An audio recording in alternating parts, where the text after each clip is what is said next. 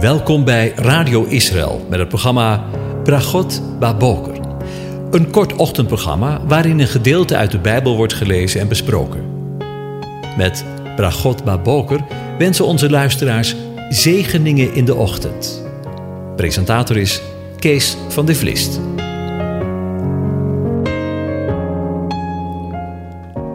Goedemorgen, beste luisteraars. Bokatov. We gaan vanmorgen weer verder nadenken over Psalm 110. Ik lees de psalm weer een keertje aan je voor. De vertalers hebben erboven gezet: belofte voor de priesterkoning. Een psalm van David.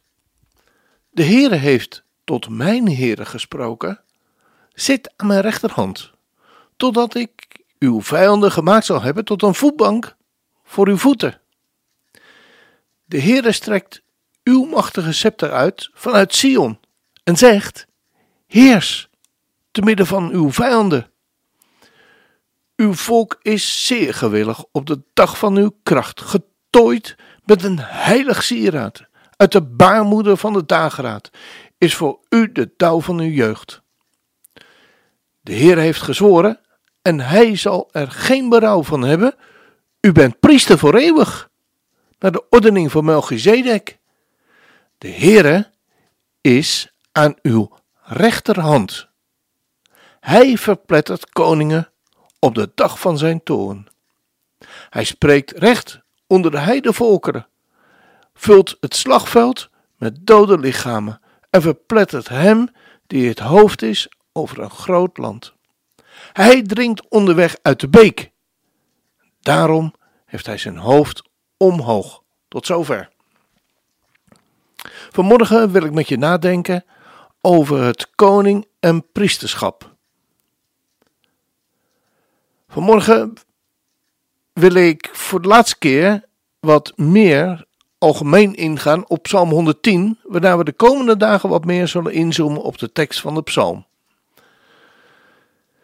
Profetieën over de Messias in de psalmen blijken vooral twee aspecten te gaan beschrijven. Er zijn psalmen die over het lijden van Jezus of van Yeshua gaan en de gebeurtenissen zelf of een beschrijving zijn van zijn gevoelens. Maar, en daarnaast zijn er psalmen die Yeshua beschrijven als koning, als de zoon van God die namens God regeert. Een voorbeeld van dit laatste zien we nu ook in Psalm 110. De psalm, vooral de versen 1 tot en met 4, worden het meest aangehaald in het Tweede Testament. Het voordeel van zoveel aanhalingen in het Tweede Testament is dat we een aantal zaken als vaststaand kunnen aannemen, omdat de uitleg van Yeshua, van Jezus of de apostelen daarop is gebaseerd. Allereerst het feit al dat de schrijver van Psalm 110 David is, zoals in vers 1 inderdaad vermeld. Alle theologische discussies over de vraag voor wie hij geschreven is, kunnen we daardoor dus eigenlijk meteen vergeten. Yeshua vermeldt het zelfs met nadruk. David zelf, zegt hij. En verder is het ook duidelijk dat de schriftgeleerden in Yeshua's, in Jezus' dagen, het daarover eens waren dat het onderwerp van deze psalm de Messias, de Christus is. En zowel het een als het andere is van belang, want Yeshua stelt hen daar een vraag over. Hoe kan men beweren dat de Messias de zoon van David is? Want David zelf zegt het in het boek van de Psalmen: De Heer heeft tot mijn Heer gezogen. Zit aan mijn rechterhand, totdat ik uw vijanden gemaakt zou hebben tot een voetbank van uw voeten. David noemt hem dus Heer. Hoe kan hij dan zijn zoon zijn? Zo lezen we in Lucas 20, vers 41 tot 44. Op zich was er niks vreemds aan deze bewering van de Messias een zoon, een afstammeling van David zou zijn. Er zijn genoeg andere teksten die dat zonneklaar duidelijk maken, waaronder de belofte van God aan David zelf. Maar In deze Psalm 110 maakt David, geïnspireerd door de Heilige Geest, duidelijk dat de Messias niet zomaar een volgende koning uit de, lijn van David zou zijn, die het alleen maar wat beter zou doen dan zijn voorgangers, maar dat hij een veel verhevener plaats zou innemen. David toont eerbied voor de toekomstige Messias. Hij spreekt over hem als mijn Heer. In onze vertaling staat tweemaal het woord Heer of Heere. Maar in het Hebreeuws van de psalm is de eerste Gods verbondsnaam, JHWH, die we eigenlijk niet goed kunnen uitspreken. Vandaar dat ik de letters van Gods naam Gods verbondsnaam noem, die hier als Heer wordt weergegeven. Terwijl het tweede, Heere, een woord is dat gebruikt wordt voor iemand die over je regeert, of waarmee een slaaf zijn meester aanspreekt. Het probleem voor de schriftgeleerden zat in het feit dat in hun denkwijze degene die later komt altijd minder is dan degene die voor hem was. In een soortgelijk beeld zegt de schrijver van de Hebreeën dat het priesterschap van Levi minder is dan dat van Melchizedek. Want Levi stamt af van Abraham en is dus minder dan Abraham. Terwijl Abraham zelf in Melchizedek zijn meerdere erkende, zoals we lezen in Hebreeën 7. En het staat buiten kijf dat de mindere altijd gezegend wordt door de meerdere. Lezen we in Hebreeën 7, vers 7. Over deze Melchizedek spreekt Psalm 110 in vers 4, waar we later naar zullen kijken.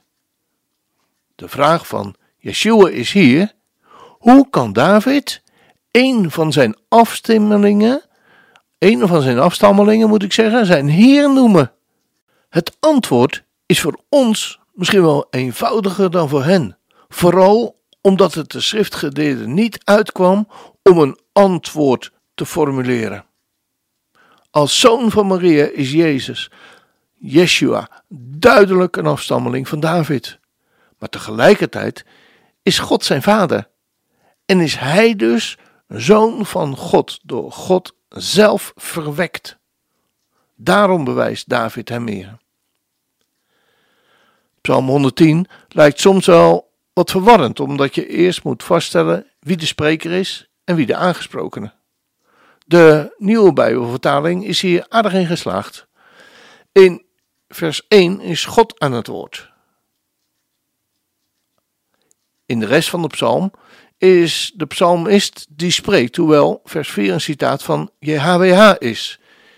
In de versen 2 en 3 spreekt de psalmist tot de Messias. En in vers 5 tot en met 7 spreekt de psalmist tot Adonai over de Messias, de Heer aan uw rechterhand. Wat JHWH, want we weten niet hoe wij zijn naam moeten uitspreken, in vers 1 tot de Messias zegt, valt echter op. Neem plaats aan mijn rechterhand. Misschien lezen we hier overheen, maar beschrijvingen van de troon van JHWH vermelden altijd dienaren die om hem heen staan. Hier wordt echter tot iemand gezegd dat hij in zijn aanwezigheid mag zitten, zelfs aan zijn rechterhand. Een duidelijk beeld van de eer die aan de Messias wordt geschonken. In het Tweede Testament wordt hier veelvuldig aan gerefereerd om een boodschap kracht bij te zetten. Jezus, Yeshua, is verhevener dan de engelen. In Hebreeën 1 vers 13 lezen we immers, tegen wie van de engelen heeft hij ooit gezegd, neem plaats aan mijn rechterhand, totdat ik van je vijanden een bank voor je voeten heb gemaakt? Zijn ze niet alle gedienstige geesten? Weer zo'n aanhaling vanuit Psalm 110. JHWH heeft hem verhoogd, terwijl mensen hem verwierpen, lezen we in Handelingen 5, vers 30. De God van onze vader heeft Yeshua opgewekt, die u omgebracht hebt, door hem aan het kruishout te hangen. Als Yeshua heeft Jezus door zijn rechterhand verhoogd tot een vorst en zaligmaker. Voordat we verder gaan, eerst nog iets over het verband van de schrijvers van het Tweede Testament leggen met de priesterschap. Psalm 110 spreekt over een koning. Daarna lezen we in Psalm 4, in vers 4: De Heer heeft gezworen en het zal hij zal er geen berouw van hebben. U, u bent priester voor eeuwig, naar de ordening van Melchizedek. In het Eerste Testament was de koning een ander dan de priester. Deze functies waren zelfs aan verschillende zonen van Jacob toegedeeld. De priester stamde af van Levi, terwijl de koning van Juda afstamde. In het geval van Melchizedek zien we echter iets anders. Melchizedek, de koning, ja, u leest het goed, van Salem. En hij liet brood en wijn brengen. En hij was een priester van God, de Allerhoogste, lezen we in Genesis 14, vers 18. Melchizedek was dus tegelijkertijd zowel koning als priester. Wat zowel de koning als de priester gezamenlijk hadden, wat ze beide gezalfd waren. Daarom wacht Yeshua, daarom draagt Yeshua de titel gezalfde. In het Hebreeuws Messias en in het Grieks Christus. Van Melchizedek wordt ons met opzet weinig verteld, want hij is een beeld van de Messias. In de gecombineerde functie van koning en hoge priester. Bij Melchizedek was er geen sprake van een priesterklasse. En wordt hij enkel aangeduid als de priester en niet als de hoge priester. Psalm 110 laat dan zien hoe de Messias namens God zal regeren. De Heer strekt uw machtige scepter uit vanuit Sion en zegt: Heers, te midden van uw vijanden. Zoals we lezen in Psalm 110, vers 2. Dit beschrijft het koninkrijk wanneer de Heere niet meer naast God zal zitten, maar uitgezonden is om het koninkrijk op aarde op te richten. De scepter is een symbool van macht. En de plaats van het woord Sion in de zin wijkt in verschillende vertalingen echter nogal af. Zo zou het ook gelezen kunnen worden: JHWH zal u een machtige scepter verlenen. Treed uit Sion als heerser te midden van uw vijanden. Waarmee je beter aansluit bij andere versen die beschrijven hoe Yeshua vanuit Jeruzalem, Sion, zal regeren. Blijkbaar dus zijn er twee soorten onderdanen: het volk dat klaarstaat en de vijanden die verpletterd worden. Deze koning wordt niet door iedereen geaccepteerd, wat we ook uit de rest van de schrift kunnen opmaken. De laatste versen maken duidelijk hoe Yeshua korter met hem maakt met degene die zijn rechtvaardig koningschap niet accepteren.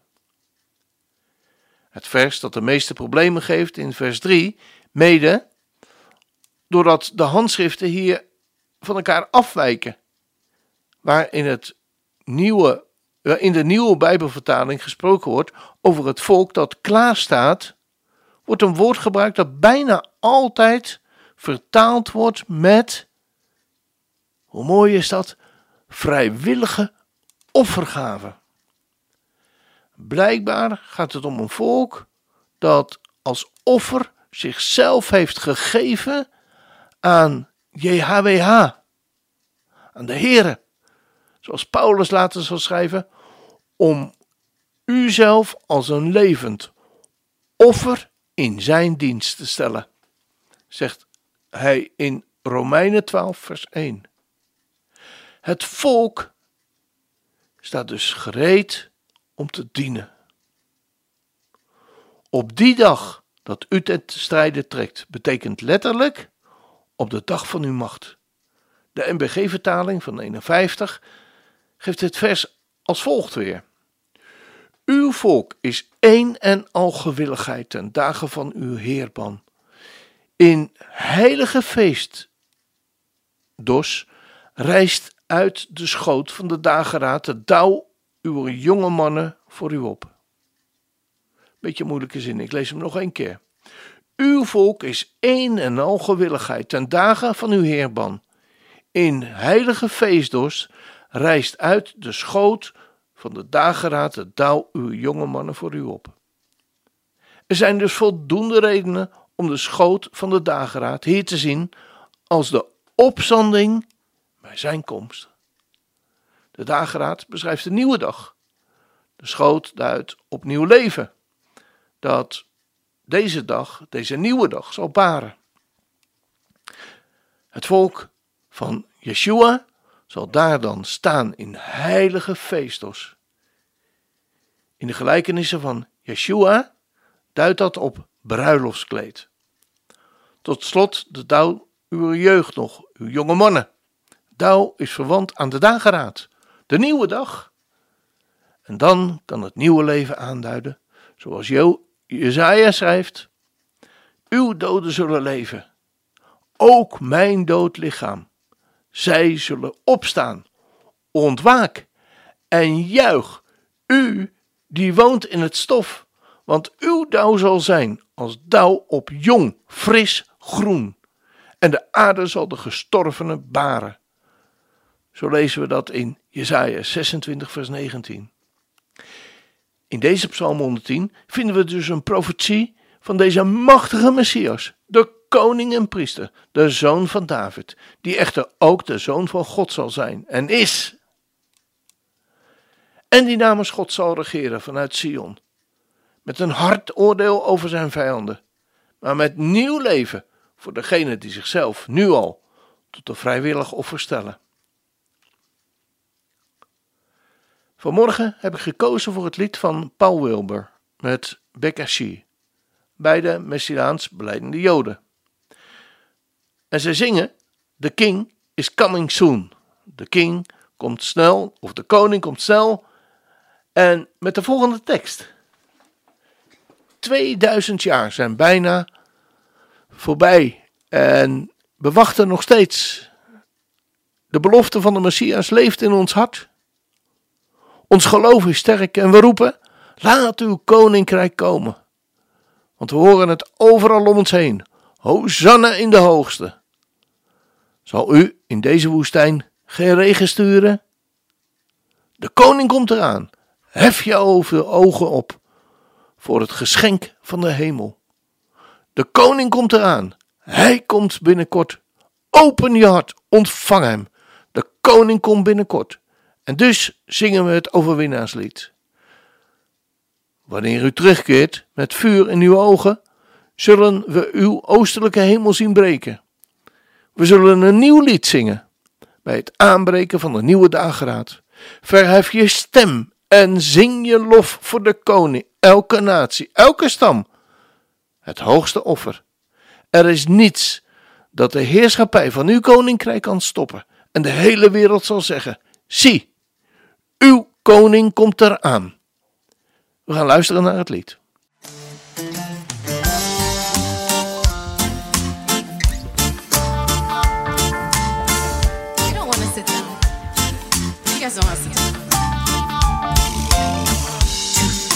Years have come and gone, still we wait.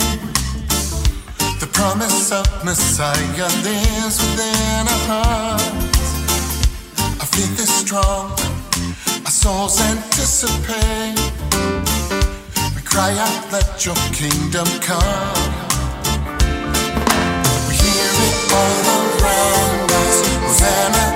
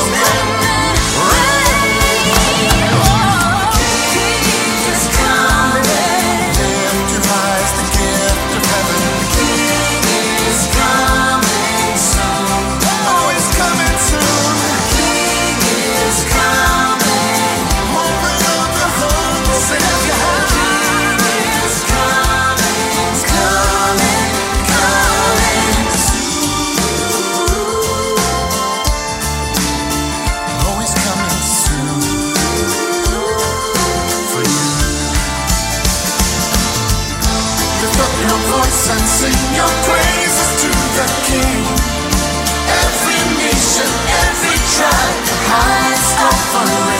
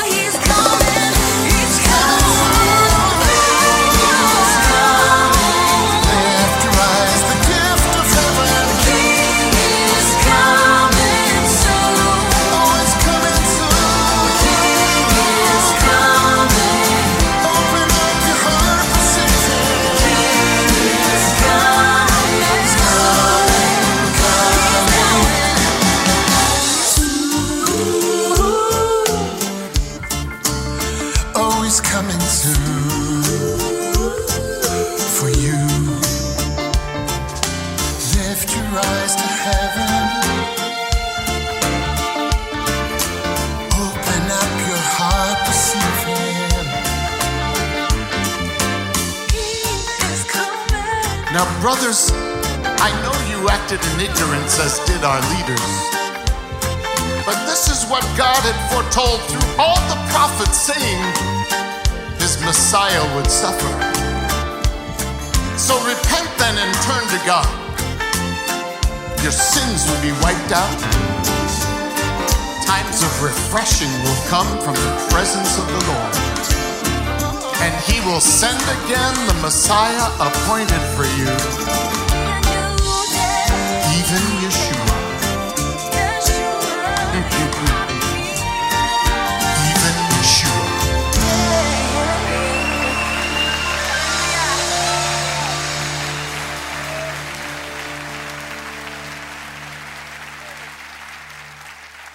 Ja, wat zijn er toch eh, geweldige lieden om eh, ja, uit te zien naar eh, de Heere God. Als Hij komt, de zoon des mensen, die eh, straks als koning zal komen om te heersen. Daar is me u eh, een eh, gezegende dag toe te wensen. En wil ik eindigen met de woorden die we vinden in Leviticus. Die er zegenen en behoeden u. De Heer doet zijn aangezicht over je lichten en zij genadig. De Heer verheffen zijn aangezicht over je en geef je zijn vrede, zijn shalom.